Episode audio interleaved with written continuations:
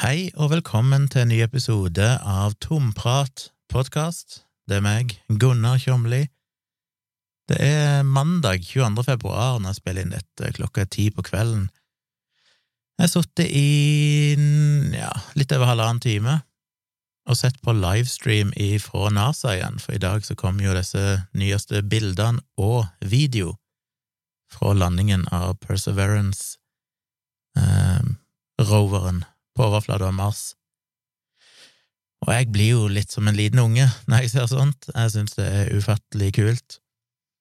Og det er gøy å se de hva Skal du kalle de folkene på JPL, de eh, forskerne, vitenskapsmennene, ingeniørene, whatever, og se hvor oppjaga de er, hvor gøy de syns dette her er.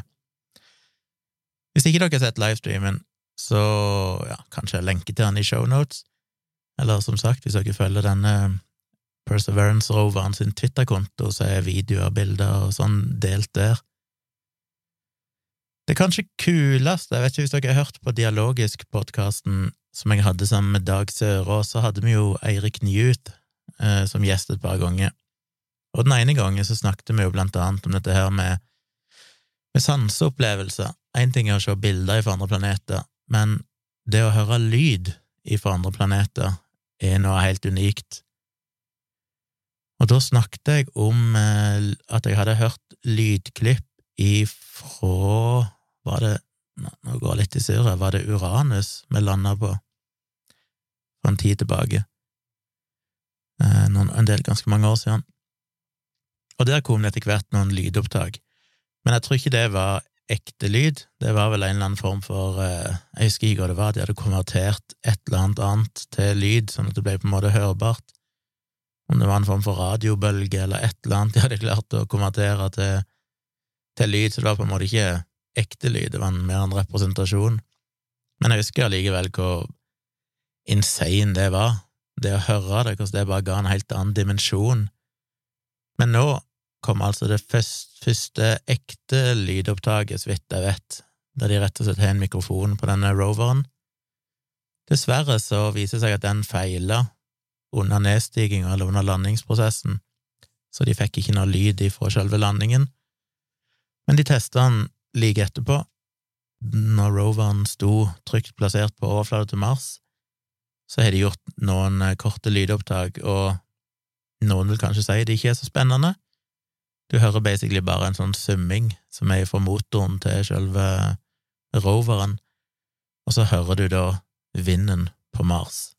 Så det er litt som å ja, ligge i nærheten av et uh, flagg på en sommerdag når det blåser. Eller hvis du tilfeldigvis har hatt en mikrofon ute i vinden, så hører du den der vindlyden i mikrofonen.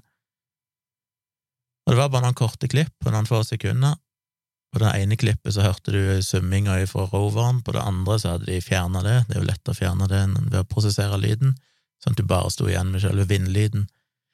Og for meg så er det ganske, ganske så awesome. Det, det gir en helt annen dimensjon. Det, du får liksom en følelse av hvordan det er å stå på overflata, bortsett fra at det er ekstremt kaldt der, så det hadde ikke vært så behagelig. Men hvis en ser vekk fra temperaturen, og du hadde stått, du kan se bildene av dette øde landskapet på Mars. Og så tenker jeg at det du hadde hørt, var liksom denne her, eh, disse vindkastene, litt sånn rolige vinden som blafrer. Ja, jeg synes det er kult, og det er kult at de, at de gjør det. Det er jo en ekstra ting de må ha med seg opp, og hvert eneste gram er jo viktig. Men uh, i tillegg til at det gir en opplevelse, og det selvfølgelig har en del å si for PR-en til disse prosjektene, og det å inspirere barn og andre til å på en måte ville kanskje jobbe med vitenskap når de blir eldre, så snakka de jo litt om at du kunne bruke denne mikrofonen til å analysere, uh, på en måte kontrollere, sjekke ting på selve roveren, um, høre ja, lyder fra maskineriet som de kan bruke til å, til å diagnostisere og sjekke om alt er i orden. Og det hadde jeg ikke tenkt på. Jeg vet ikke om de heller hadde tenkt så mye på, egentlig, sånn uh, før de begynte å oppdage det, og det begynte å komme mye forespørsler, forsto jeg, til de som administrerer dette, om hei, kan vi få et lydopptak av den og den enheten som de er ansvarlig for, så de kan bare høre om, om lyden høres ok ut. Um, så det er, jo, det er jo kult, du kan bruke det rent sånn diagnostisk òg. Og vi er jo veldig opptatt av syn, det er liksom bilder som er fokuset, men vi glemmer jo ofte det at det er utrolig mye vi bruker hørselen til, og det å bruke hørselen i en Du føler deg mye mer til stede. Det å høre lyden sammen med bilder gir jo bare en helt annen følelse av tilstedeværelse.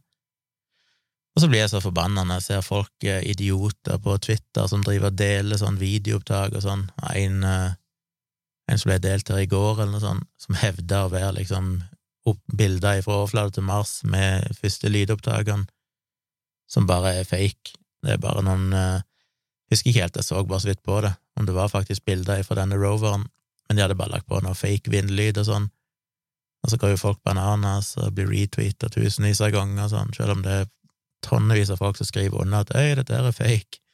Det er ikke, det er ikke kommet noe lyd ifra Mars ennå, for dette var i går.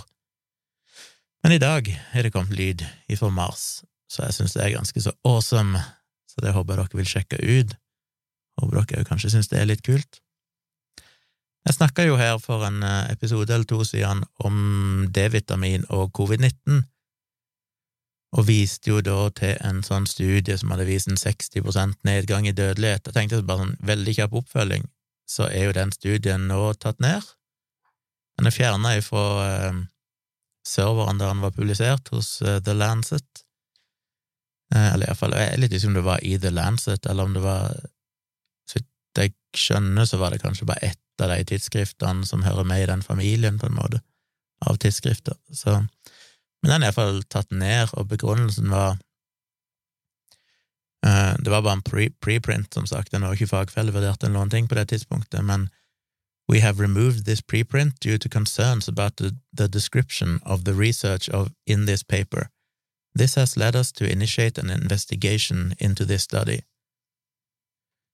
Så ja, det er jo viktig. Den fikk jo NRK-oppslag, som sagt, med omtrent en påstand om at dette D-vitamin reduserte dødelighet med 60% men som jeg sa i den episoden, det var jo veldig tvilsomme påstander, med dårlig underbygde data, og nå er jo, er jo til og med denne forskningsartikkelen fjerna fordi han var såpass tvilsom, så det kan jo være greit å ha med seg hvis dere har blitt påvirka av det. Ellers så var jeg jo en uh, tur ned i sentrum her på lørdag. Jeg har jo vært veldig lite ute av leiligheten, men vi har hatt én tur, mm, ikke hver helg, men uh, noen helger, ned til sentrum, bare for å komme oss litt ut, for å på en måte holde oss eh, normale. Så det er liksom den ene sånn tingen vi unner oss, det at meg og Tone tar med hunden og tar toget ned, med munnbind og alt, selvfølgelig, ned til sentrum. Det er et kvarter med tog fra her vi bor, og ned til Oslo sentrum. Og så har vi gått en liten tur. Sist gang så gikk vi bare en, en ganske lang tur med hunden, gjennom Akershus festning og langs nedover der. Og det er jo bare utendørs, uten å være i nærheten av folk og sånn, så det er jo én ting. Denne gangen så måtte vi innom et par butikker. Måtte blant annet kjøpe mer kaffe. Uh, ja, jeg husker ikke hvor mer vi gjorde. Anyway, vi tok toget først opp til Nationaltheatret. For de som ikke bor i Oslo, så er det altså nesten oppe med Slottet, altså i den motsatte enden av Karl Johans gate i forhold til Oslo S, som er på en måte helt nederst. Så normalt ting bare på Oslo S, men hvis du tar ett stopp til, så kan du ta det lokaltoget til Nationaltheatret. Så vi gikk av der, gikk nedover, gikk innom eh, en kaffesjappe og sånn, og idet vi passerte Stortinget, som jo ligger omtrent midt på Karl Johan, mellom eh, Nationaltheatret og Oslo S, så så jeg jo at det var en del folk på utsida og hørte lyd ifra mikrofonen, høyttalere. Og så kom jeg på at oi, shit, det er jo her de driver på med sånn her hver fuckings lørdag, så er det de her covid-fornekterne og lockdown-motstanderne som har demonstrasjon. Jon eh, Færseth skrev jo en, en, fin artikkel om det på fritanke.no, skal prøve å huske å lenke til den òg. Men eh, så dere kan lese den, den gir en ganske sånn grei beskrivelse av hvilke folk dette her er. Det er jo sånn fint sammensurium av vaksinemotstandere og høyreekstreme og Sian og skrotinger generelt sett. Så jeg sa liksom bare til Tone at hei, bare vent, jeg må bare, jeg må bare bort og se, og på en måte høre litt hva de sier. Det var ikke så mye folk, det var kanskje en 50 personer eller sånn som sto der, og så en eller annen som sto og gaulte i en mikrofon. Så var jeg litt nysgjerrig på om Kari Jakkesson kanskje var der. Hun vet det, hun har vært der tidligere og holdt appell og snakka. Fordi jeg har jo tidligere invitert henne, kommenterte under en av Instagram-postene hennes og sagt at eh, om hun var villig til å delta i en diskusjon på livestream på YouTube med meg. Jeg fikk jo aldri noe svar på. Så jeg tenkte hvis jeg så henne, så kunne det være gøy å spørre henne direkte, så hadde hun ikke noe unnskyldning iallfall for å si at hun ikke visste det. Men jeg så henne ikke. Men idet jeg nærma meg, så kommer det plutselig to ganske unge voksne, holdt jeg på å si, noen i 20-årene, vil jeg tippe, bort til meg, og ei dame og en mann, og spurte selvfølgelig, eh, eller spurte umiddelbart eh, hva, hva er det du vil? Så sa jeg at nei, jeg bare, var bare nysgjerrig, ville bare bort og høre litt. Og så husker jeg ikke helt hva de sa, men så sa hun dama, så snudde hun dama seg og begynte å gå vekk, og så snudde hun seg til meg og sa ja, jeg vet ikke hvem du er, altså. Og så gikk hun. Så tenkte jeg ok. Og så sa han mannen som ble stående igjen, som for, for øvrig var en svenske, eh, så sa han òg ja, vi, vi vet hvem du er, han har fulgt med på det jeg driver med, og spurte han hva jeg ville, så sa jeg liksom bare sånn nei, jeg, blir så stressa når folk kommer bort og spør meg om sånn, for da er jeg alltid usikker på om jeg skal bare snu og gå, for jeg orker ikke å bruke tid på det, eller om jeg virkelig skal liksom dykke inn i det. Så jeg bare litt sånn flåser det først, jeg, visste jo ingenting om han, jeg visste ikke at på det tidspunktet visste ikke jeg at han egentlig hadde jeg visste noe om meg. Så jeg bare sa at nei, litt sånn flåsete, så sa jeg nei, jeg skal bare se om Kari Jakkesson var her. Tenkte jeg kunne spurt om hun ville være med i en debatt. Så begynte han med at ja, kan ikke, jeg, jeg, blir gjerne med på debatt. Så sa jeg nei, jeg må ha, må ha Kari Jakkesson, må liksom ha noen som folk engasjerer seg i. Nei, men det måtte heller få med han. Så var jeg litt sånn nei, hvem er du, liksom, hvorfor i all verden skal jeg ha med deg, en random fyr? Men så begynte han vel å si at han heller ikke var så enig Han sa et eller annet om Kari Jakkesson, så spurte jeg han ja, du er ikke enig i det hun sier? Så ja, hinta vel frampå at uh, han var vel ikke enig i alt hun sa, gikk kanskje litt langt på noen ting, men generelt sett syntes han vel hun hadde mye bra.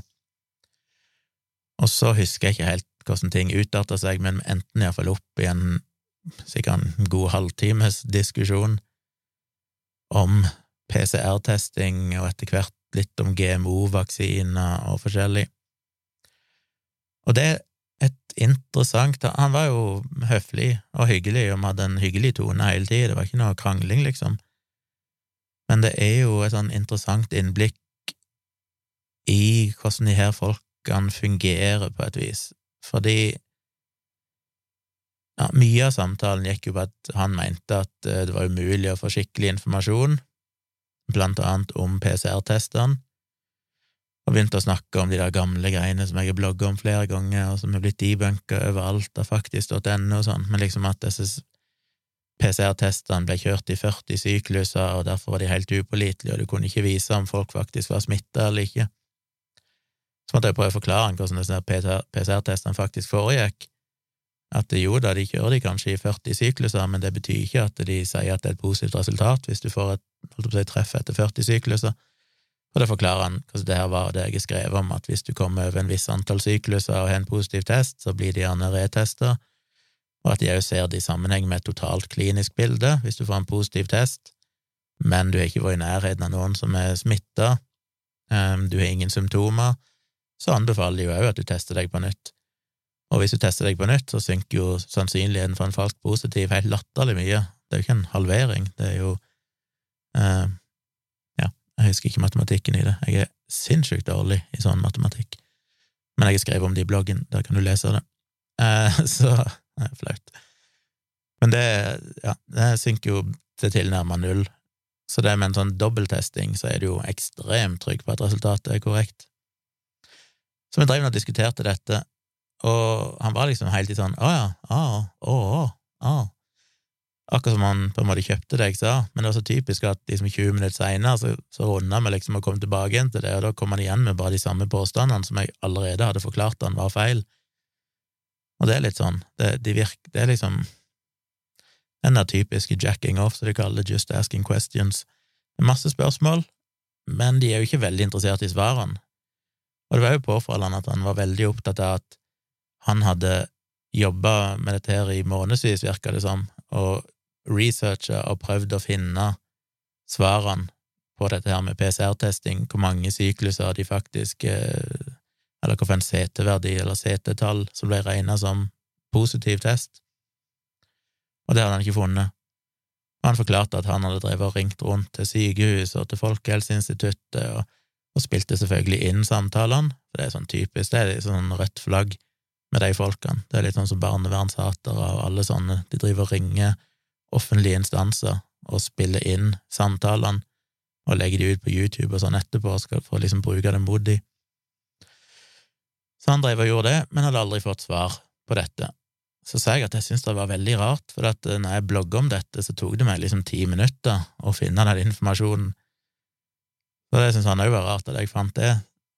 Så sa jeg jeg søkte jo, og så fant jeg det inn, for eksempel inn på Tidsskrift for Norske legeforening, så står det jo blant annet i en artikkel der om disse PCR-testene, hvordan de gjennomfører dem. Og da var liksom svaret hans å ja, ja, ja, for du søkte da rett i liksom rett der, men han var interessert i på en måte hva media skrev om det og sånt, og så sa jeg nei, jeg søkte jo ikke i Tidsskrift for Norske legeforening, jeg søkte på Google og bare oppga de noen relevante stikkord. PCR-testing, covid, antall sykluser, et eller annet sånt. Og så fant jeg treff. I tillegg så har jo faktisk.no skrevet en lang artikkel om det, der de òg har sitert det samme som jeg fant i Tidsskrift for Den Norske legeforening, pluss at de òg har snakka med folk og sitert ifra de. Men han virker jo som litt sånn typisk at faktisk.no tok han vel ikke helt seriøst. Men så prøvde jeg å forklare han at du kan jo mene hva du vil om faktisk.no, men de sitatene du sjøl er på jakt etter, altså uttalelser fra folk som faktisk jobber med dette, de står jo direkte sitert i faktisk.no-artikkelen. Så jeg skjønner ikke helt hva du egentlig er på jakt etter, hvis ikke du vil akseptere de uttalelsene som faktisk er kommet fra de fagpersonene som driver med dette. Så jeg vet ikke. Det var bare så sjokkerende at han drev Det er det som alltid overrasker meg med sånne folk. Jeg eh, var borti litt av det samme et par ganger bare i YouTube-kommentarfeltet mitt, etter jeg lagde et par sånne reaction-videoer på en, eh, en YouTuber som heter G, kaller seg for Jesus Corner, der blant annet kom, inn på evolusjon. Så er det noen som begynner å, kommentere under videoen, eh, som da tydeligvis tror at evolusjon er, er bare bullshit. Og så legger de fram så mye feilinformasjon. Og så skriver de sjøl at de drev på med dette i 30 år og researcher og ennå ikke funnet ut liksom, at evolusjon er pålitelig. Og så når de da skal forklare ting, så er det helt, helt totalt feil. Så er det sånn, har du engasjert deg i dette i 30 år, og du har fortsatt ikke skjønt hvordan evolusjon faktisk fungerer? Du har ikke skjønt de helt sånn basic prinsippene vi snakker om her. Og det er det som er så rart med sånne folk, og du begynner å lure på er de bare veldig, veldig uintelligente, sånn at evolusjon er et konsept som vil være litt som å lære en sjimpanse å lese. At det, er bare sånn, de kan ikke ta sin compute for disse menneskene. Det ligger et nivå over det de er i stand til å ta inn over seg. For hvordan kan du ellers engasjere deg så mye i et sånt tema, og fortsatt ikke klare å forstå det? Og litt med han her fyren òg. Han har altså brukt så mye tid men ennå ikke klart å forstå hvordan PCR-testing fungerer. Det tok meg ti minutter, jeg har aldri vært borti PCR-testing før, ante ingenting om det før jeg begynte å blogge om det, og så måtte jeg lese meg opp på det og finne ut hva er dette, hvordan er det PCR-testing egentlig foregår, og alt dette her. Det, det er jo ikke vanskelig. Anyway, så kom vi inn på dette med vaksiner, han var da veldig skeptisk til disse GMO-vaksinene, om jeg var klar over at det faktisk var GMO, at de tok DNA fra menneskeceller og sprøyta inn i oss. Åh, så måtte jeg forklare at jeg tror han har misforstått. De dyrker virusene i menneske- eller i cellekulturer som er basert på ja, 70-60-70 år gamle menneskeceller. Men eh, det betyr ikke at de sprøyter DNA ifra mennesker inn i oss. Det DNA-et er ifra virusene, sa jeg. Det er et modifisert sjimpansevirus, eller forkjølelsesvirus, som kan gjøre sjimpanser syke og så endrer de litt på DNA-et for å hindre viruset i å replikeres, sånn at det ikke kan bli flere virus, pluss at de spleiser inn et, et gen som produserer dette, dette spike-proteinet som er karakteristisk for SARS-CoV-2-viruset, korona, det nye koronaviruset, sånn at kroppen kan produsere det. Og det skjer i en prosess inni cellekjernen i cellene våre som er litt sånn parallell til det som normalt skjer når celler deler seg, og Eh, så det på en måte blir ikke på ingen selvs måte spleisa inn i vårt eget DNA på noe selvs vis. Så jeg prøvde å forklare han dette, og det er sånn som alltid blir så frustrerende, for det er sånn, hvor mye tid skal jeg bruke på dette, nå skal jeg virkelig gå inn, og hvor mye tid har vi her, så følte jeg at Tone venta litt på meg, og det er sånn, må bare prøve å gi en sånn kortversjon, da, forklare han så fort jeg kan hva dette her faktisk handler om. Eh, men han hadde da, tror jeg, bare misforstått og trodd at jeg leste tydeligvis et eller annet om aborterte fostre og mennesker, og, og tror han innbilte seg at de brukte modifisert menneske-DNA i disse virusene, og det er liksom bare sånn Igjen, hvordan kan du være så engasjert i dette at du møter opp hver lørdag og står og skriker foran Stortinget og deler ut flyers, men du har ennå ikke klart å forstå noe som tar deg en halvtime å forstå? Det finnes så ekstremt mange artikler der ute på nettet som forklarer og illustrerer, og det er masse videoer på YouTube som går i detalj og demonstrerer hvordan disse vaksinene fungerer, akkurat hva som skjer med disse adenovirusbaserte, eh, eller en AstraZeneca-vaksinen. Det er, igjen, er, er dette folk som bare er for dumme? De bare mangler de sånn grunnleggende vitenskapelige forståelsen. Det er sikkert litt som med meg og økonomi, regnskap og sånn. Jeg, jeg sliter virkelig med å få det til å gå inn. Jeg kunne sikkert lest en artikkel som forklarte prinsippene bak eh, å føre et regnskap for et selskap mange ganger, og allikevel ikke egentlig skjønt det, for det er en eller annen kortslutning i hjernen min. Så det er kanskje bare det, men dermed så går ikke jeg heller ut og, og, begynner å engasjere meg og bruke livet mitt på å protestere mot et eller annet økonomisk prinsipp som jeg helt åpenbart ikke klarer å forstå sjøl. Og det er det som er så fascinerende, at de bare mangler den der ydmykheten til å skjønne at dette skjønner de faktisk ikke. Og da er det kanskje det som er problemet, ikke at det er noe galt med selve systemet eller vaksinene eller smitteverntiltakene. Problemet er at de faktisk ikke skjønner det sjøl, men de har et veldig engasjement rundt noe som de faktisk ikke skjønner. Og det er ganske imponerende. Det er liksom Dunning-Kruger i, i sitt ess. De er rett og slett ikke kompetente nok til å forstå hvor inkompetente de er. Anyway, så det ble en del diskusjon om GMO, og så begynte han jo med GMO generelt sett, og det er jo en svær og kompleks debatt. Det eneste jeg kunne si, var at egentlig det viktigste som jeg mener med GMO, da, modifisering av produkter, er jo at det er rart at folk er så skeptiske til at noen går inn, forsker veldig, veldig grundig på disse, dette arvematerialet, for å bruke det ordet, eh, og spleise inn for eksempel et gen i DNA-et til eller annet, en eller annen plante, for å endre en egenskap i den planten. De vet akkurat hva de gjør, de vet nøyaktig hvilken effekt det genet har, de vet nøyaktig hvor de putter det inn hen, og det blir testa mot alle kjente allergener etterpå, sånn at det endelige produktet er så gjennomtesta, og vi har så mye kunnskap om det, at det er tryggere enn alt annet du kan putte i deg ifra naturen som vi egentlig ikke vet noen ting om. Men det aller meste av det vi har av grønnsaker og frukt og sånn, eksisterte jo ikke i, den formen for tusen år siden.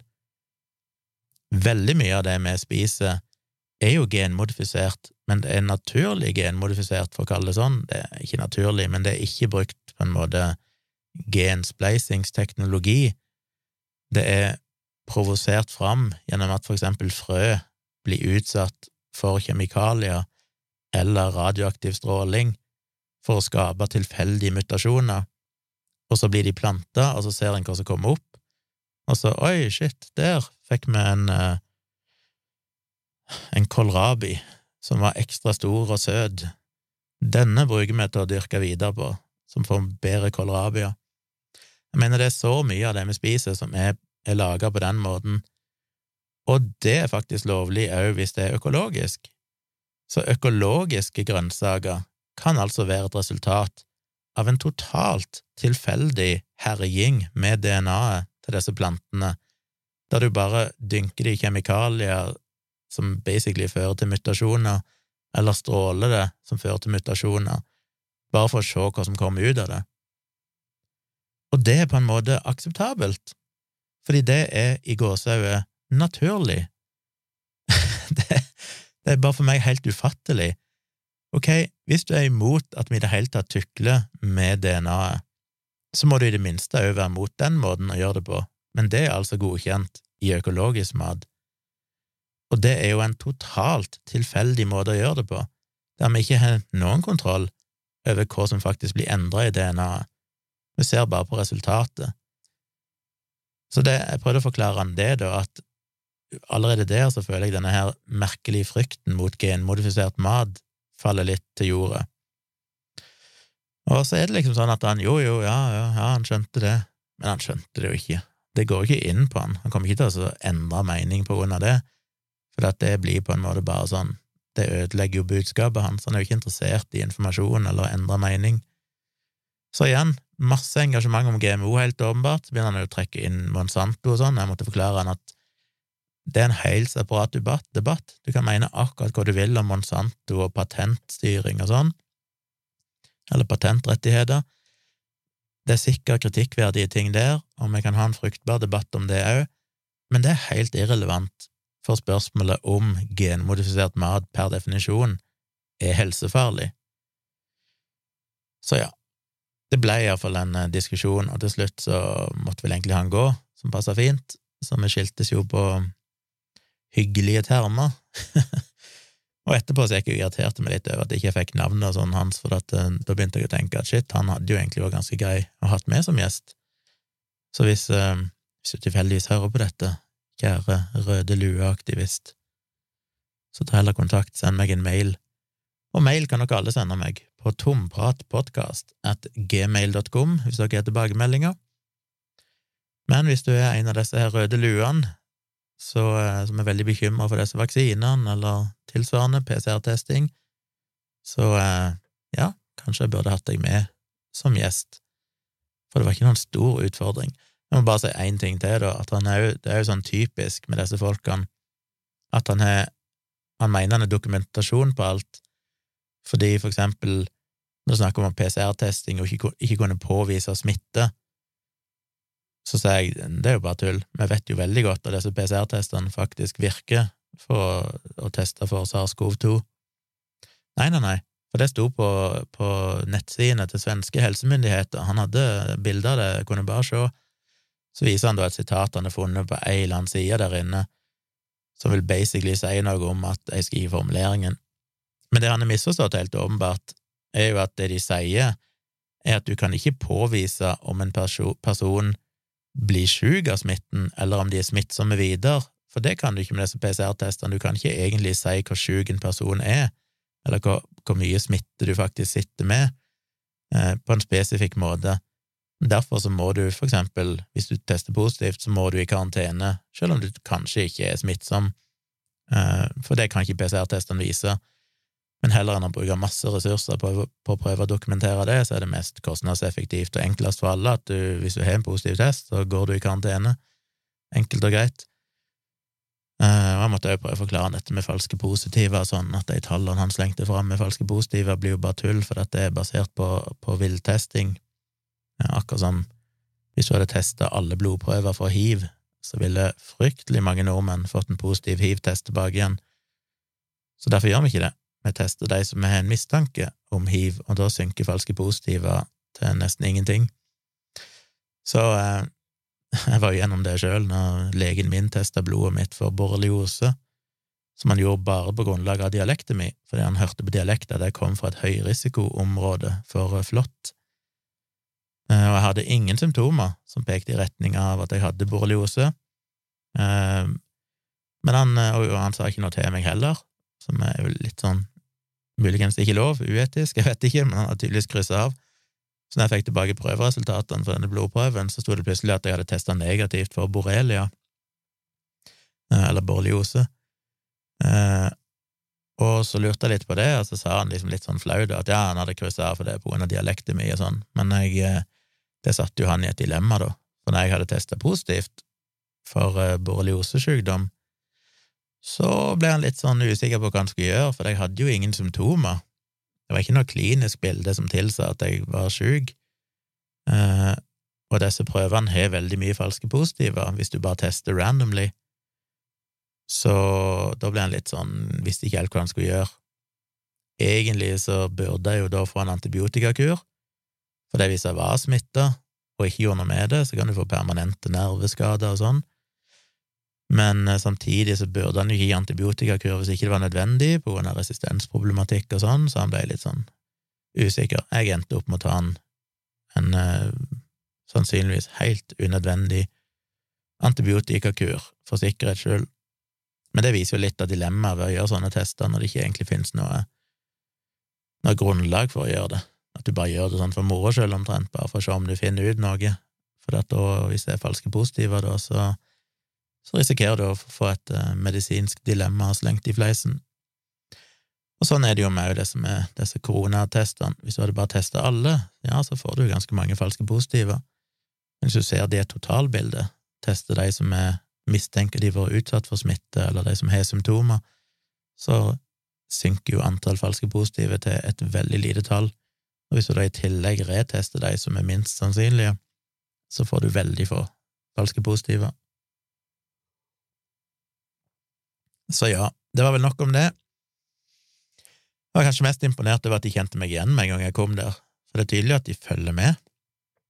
Eh, det virka som at han hadde sett noen av de Kari Jakkesson-kritikkvideoene mine, reaction-videoene mine, og snakke om at han hadde skrevet til meg en eller annen gang, litt usikker på hvor, om han er en av de idiotene som har kommentert noe dumt under videoene mine, eller gudene vet. Men de følger tydeligvis med, så heldigvis var de eh, for så vidt hyggelige.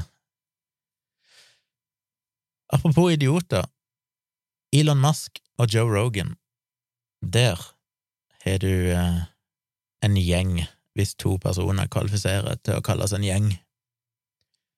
Joe Rogan eh, sa jo en video nylig, et intervju med en eller annen skuespiller, en av sine podkastepisoder, der han, eh, gjesten sa liksom 'skal du ta vaksine mot covid', og Joe Rogan var bare sånn 'nei, det skal han ikke'. Og argumentet hans virka å være at eh, han eh, mente at han eh, var ikke noe risiko for han, og implisitt, og han sa vel også eksplisitt etter hvert, at på en måte hvis du bare passer på å være sunn og ditten og datten, så, så er det ikke noe problem med covid. Så det var ikke noe vits i at han tok vaksinen. Og det er jo Ja, det burde jo ikke være overraskende. Det ironiske i det er jo at Joe Rogan putter jo i seg de mest idiotiske preparatene. Han tar jo ikke fem øre for å bruke diverse rusmidler. Eh, han stapper jo i seg diverse tullete kosttilskudd som han tror gjør underverker, som gudene vet hvordan er produsert, og hva de faktisk inneholder, det vet sannsynligvis ikke han heller, det er liksom helt greit. Men den vaksinen var han litt skeptisk til, både fordi at han, ikke, han mente han ikke trengte det, og fordi at han liksom var usikker på ja, hva, hva vet man om bivirkningene om for eksempel seks måneder og sånn. Og det første, da, om at han ikke tror han trenger det, er jo den klassiske misforståelsen at ja, hvis Joe Rogan hadde blitt smitta av koronaviruset, så hadde det mest sannsynlig gått veldig greit. Uh, han er en, en sunn og relativt ung person. Han er vel neppe i noen risikogruppe. Det er jo ikke 100 sikkert at det vil gå greit. Det er jo nok av eksempler på sånne folk som han, inklusiv friske toppidrettsutøvere i ung alder, som er blitt alvorlig syke av covid-19. Så du vet aldri. Så kanskje kunne han vært en av dem, men sånn er det jo med alt i livet, ingenting er sikkert, så statistisk sett så ville det jo gått greit med han. Men det er jo ikke det viktigste poenget med disse vaksinene. Eh, det er viktig for risikogruppene, da er det jo primært det å beskytte deg sjøl. For alle dere andre så handler det jo mest av alt om å bygge opp en flokkimmunitet, sånn at ikke vi sørger for å smitte noen som er i risikogruppene. Og det aspektet ser ikke ut til å gå inn hos en del, de tenker bare på seg sjøl. Er denne vaksinen nyttig for meg?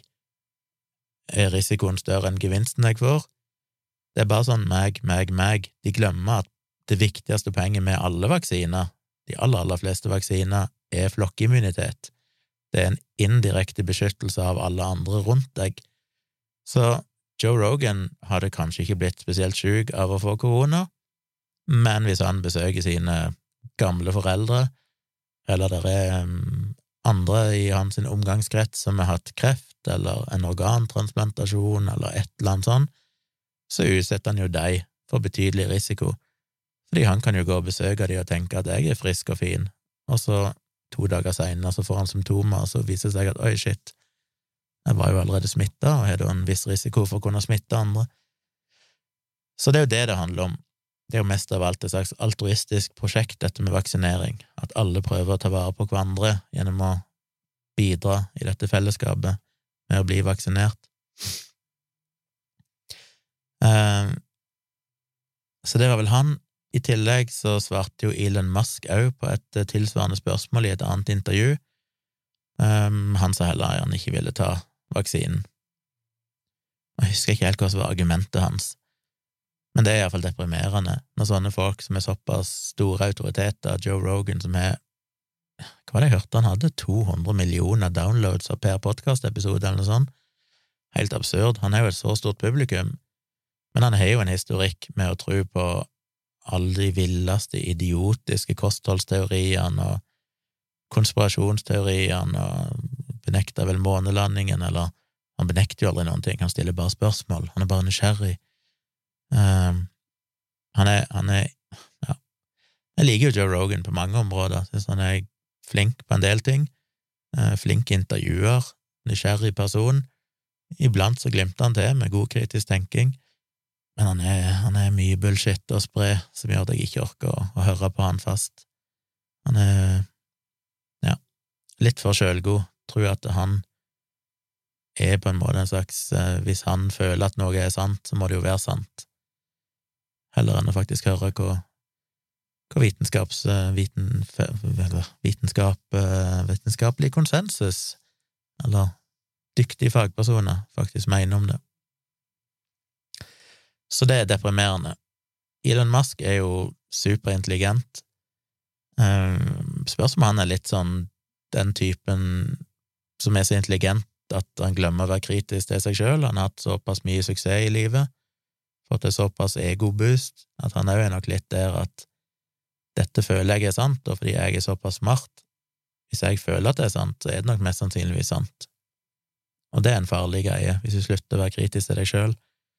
Det er jo sunt å, å tenke å gå mot strømmen, holdt jeg på si, i utgangspunktet, men du må være villig, villig til å endre meningen din umiddelbart hvis du ser at du er i, på kant med på en måte etablert vitenskap. Og når det gjelder vaksiner og sånn, så er jo begge to definitivt det. Det er ikke så mye å stille spørsmål ved. Så deprimerende. Og deprimerende at Joe Rogan driver og pusher sånn bullshit kosttilskudd som skal gjøre han smartere Vel, hvis ikke han har skjønt konseptet med grunnen til at vi tar covid-vaksiner, så er tydeligvis ikke de her brain-pillene hans virka særlig godt, for han imponerer ikke med sin intellekt. Det er helt sikkert. Jeg snakket jo litt om bivirkninger fra disse covid-vaksinene i forrige episode, eh, basert på en Nature-artikkel som hadde prøvd å oppsummere det vi visste så langt. Så fikk jeg en eh, melding fra en medskeptiker som eh, syntes det var bra, det jeg hadde sagt. Men han jobber jo sjøl som eh, sykepleier, tror jeg, og sa at han jobba på en legevakt der alle hadde fått Pfizer-vaksinen, og så jobba han vel òg ved et akuttmottak der de fleste fikk AstraZeneca-vaksinen. Når det gjaldt de som fikk Pfizer-vaksinen, så var det jo nesten ingen bivirkninger, bortsett fra de vanlige, at du kan få litt smerter, selvfølgelig, der du stikker inn nåla, litt sånn øm i muskelen. Um, der gikk det jo veldig, veldig greit. Det var vel ja, halvannen prosent eller noe sånt av de som var der, det vil si to av 150, som eh, fikk eh, det han kalte for alvorlige, men forbigående bivirkninger. Og igjen, husk at alvorlige bivirkninger som regel ikke betyr at du får spontan kreft eller aids. Det betyr at du eh, kanskje besvimer, som ofte er knytta til sprøyteskrekk, mer enn eh, det er faktisk få sprøyter, men siden disse folkene jobber på en legevakt, så er det kanskje ikke sprøyteskrekk. Gudene vet, eller kanskje de er mer redd for å få sprøyte enn å gi de sjøl.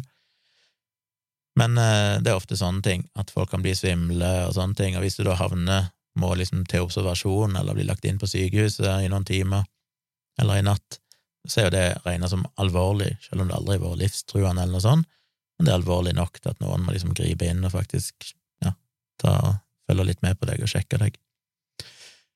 Så jeg vet ikke helt hva han legger i alvorlige, men siden de var forbigående, så pleier det ofte å være sånne ting. Det er ofte besvimelse. Det kan jo selvfølgelig ha vært allergisk reaksjon eller anafalyktisk sjokk, det sa han ingenting om, eh, som er jo alvorlig, men som òg da er forbigående og stort sett ufarlig hvis du får behandling umiddelbart, som du jo gjør. Så iallfall, poenget hans var at det var veldig lite bivirkninger fra den Pfizer-vaksinen, men der de hadde brukt AstraZeneca-vaksinen, så var det en betydelig andel av de som var under 40 år, som hadde endt opp med å være borte for jobb dagen etterpå på grunn av høy feber og influensasymptomer. Og det er jo litt i tråd med det vi har hørt fra Sverige. I Sverige har de vel hatt det problemet at enkelte, vet ikke om det var sykehus eller noe sånt, der de hadde på en måte skulle være effektive, så hadde de vaksinert alle ansatte, og så dagen etterpå så var plutselig nesten alle vekke fra jobb, som jo ikke er så veldig gunstig i helsevesenet, kanskje spesielt. Så det, det kan virke som at den AstraZeneca-vaksinen gir Dette igjen, da, det er helt ufarlig, men det er selvfølgelig ubehagelig, og det er problematisk rent sånn samfunnsøkonomisk, om å kalle det det, at folk faktisk blir kanskje sengeliggende en dag og føler seg dårlige, slappe og feber. Og igjen, grunnen til dette er jo ikke at det er farlig stoff i vaksinen som gjør folk syke. Grunnen er at vaksinen virker sånn som man skal, du får en immunreaksjon, og når du føler deg dårlig for influensa og forkjølelse, så er det jo fordi immunforsvaret ditt jobber mot virusene som har infisert deg. Eh, og det samme skjer når du får disse vaksinene. Så på en måte det positive er jo at det tyder jo på at de har fått en kraftig immunrespons, som jo på en måte må være en god ting, men eh, det er jo ikke så kult når den immunresponsen blir så stor at du føler deg dårlig en dag. Så det kommer en jo ikke utenom med den vaksinen.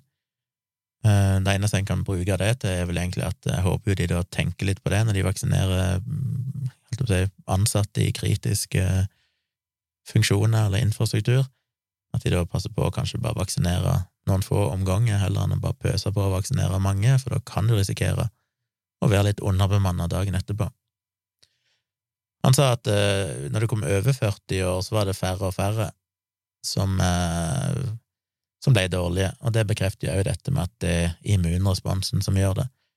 For jo eldre du blir, jo dårligere immunrespons får du som regel fra vaksiner, fordi immunforsvaret ditt er svekka, som er grunnen til at gamle folk er de som er mest utsatt for sånne sykdommer som influensa og covid-19. Eh, som er litt ironisk, selvfølgelig, at de som trenger vaksinene mest, ofte har dårligst effekt av de, fordi kroppen klarer ikke å, å mane fram en skikkelig immunrespons. Men det betyr òg at de får mindre bivirkninger ifra disse vaksinene. Det har vi jo sett i disse fase tre-studiene, at eldre folk fikk mindre bivirkninger enn unge folk. Men det er altså en naturlig og ønska immunrespons, men ja, litt kjipt når det er sånn at du får såpass eh, slapp følelse og feber at du må holde deg vekk fra jobb.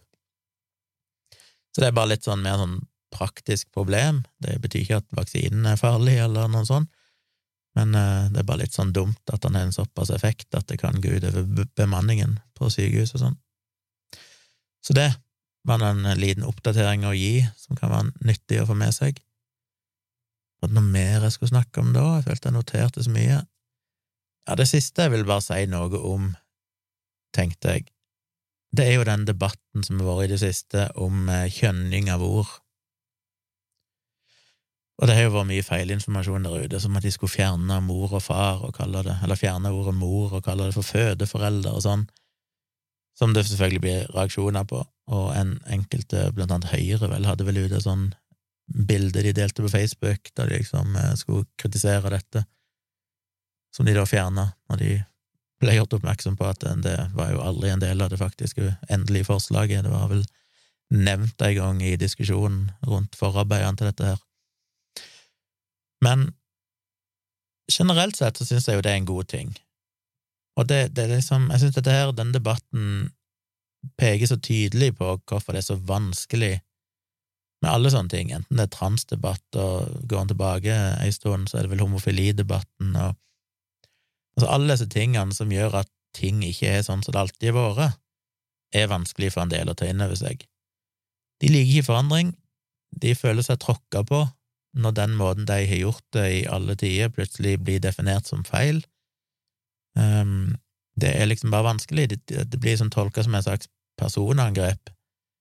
At de føler seg personlig krenka fordi at den, de ordene de har brukt i alle år, plutselig skal noen komme og fortelle dem at det ikke er korrekt å si lenger, når de sjøl føler at de er gode mennesker som ikke vil noen vondt. Men det er jo en del av å, å følge med i tida. Det er det som gjør at vi har progresjon. Eh, skal vi komme oss framover, så eh, må folk være villige til å innse at ok, måten vi har levd på, ting vi har sagt i 20, 30, 40, 50 år, kanskje, var kanskje ikke den mest, beste måten å gjøre det på. Og jeg har tenkt mye på det med sånne ord som lensmann.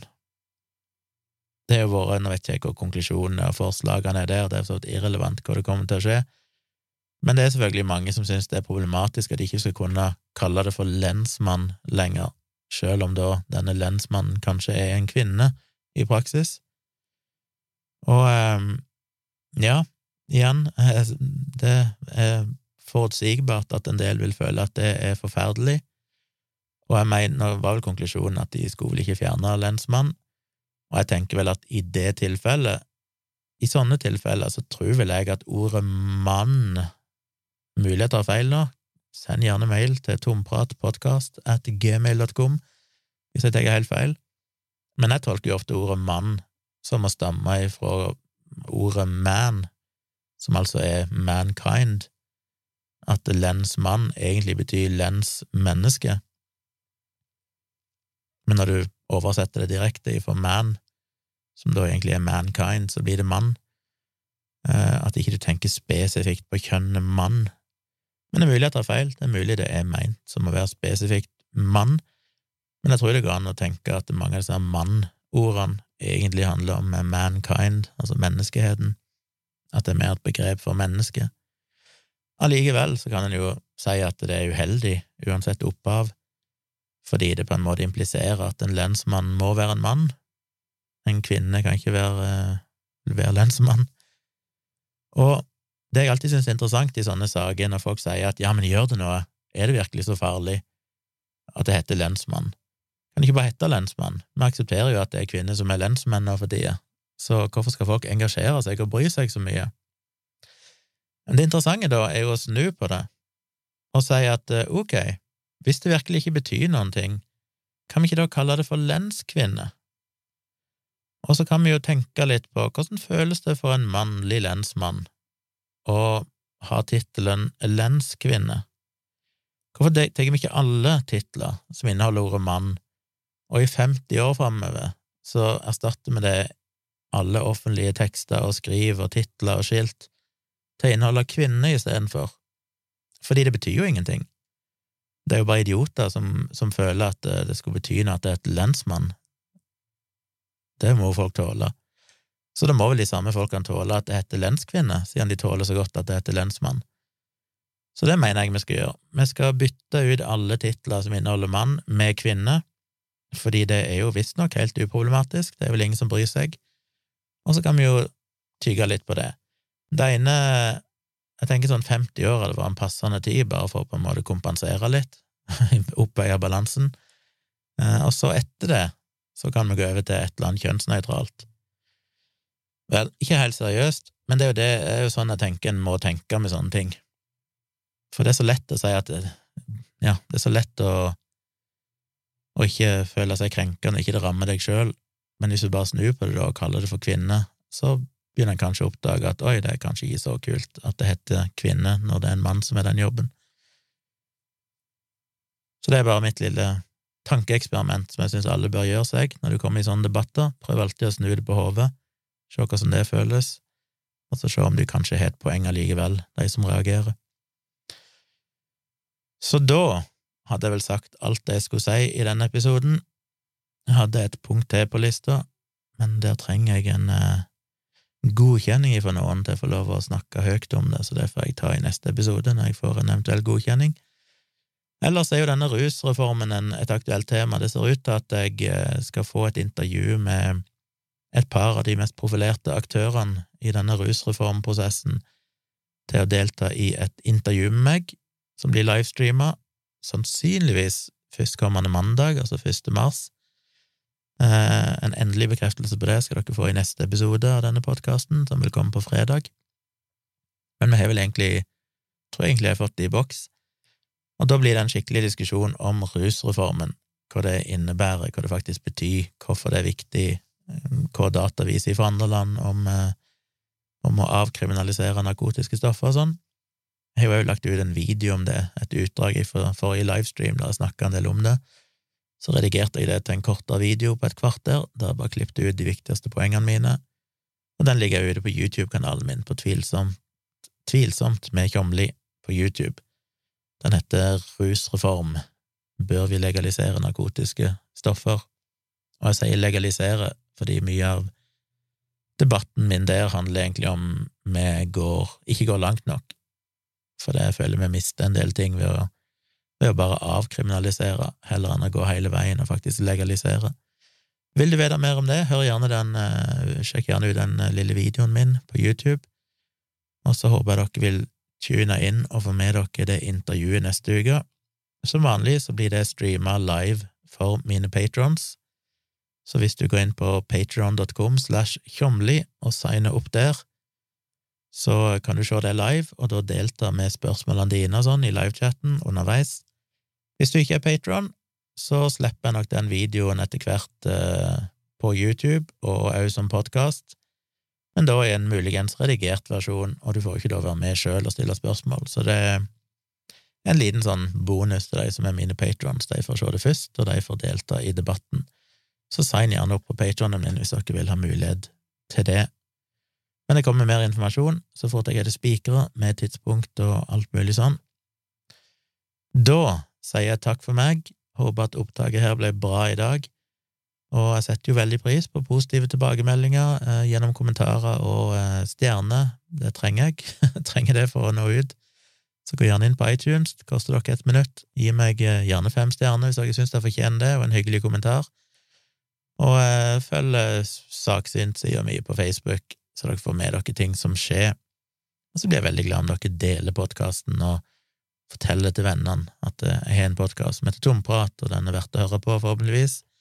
Alt uh, hjelper. Setter veldig pris på det.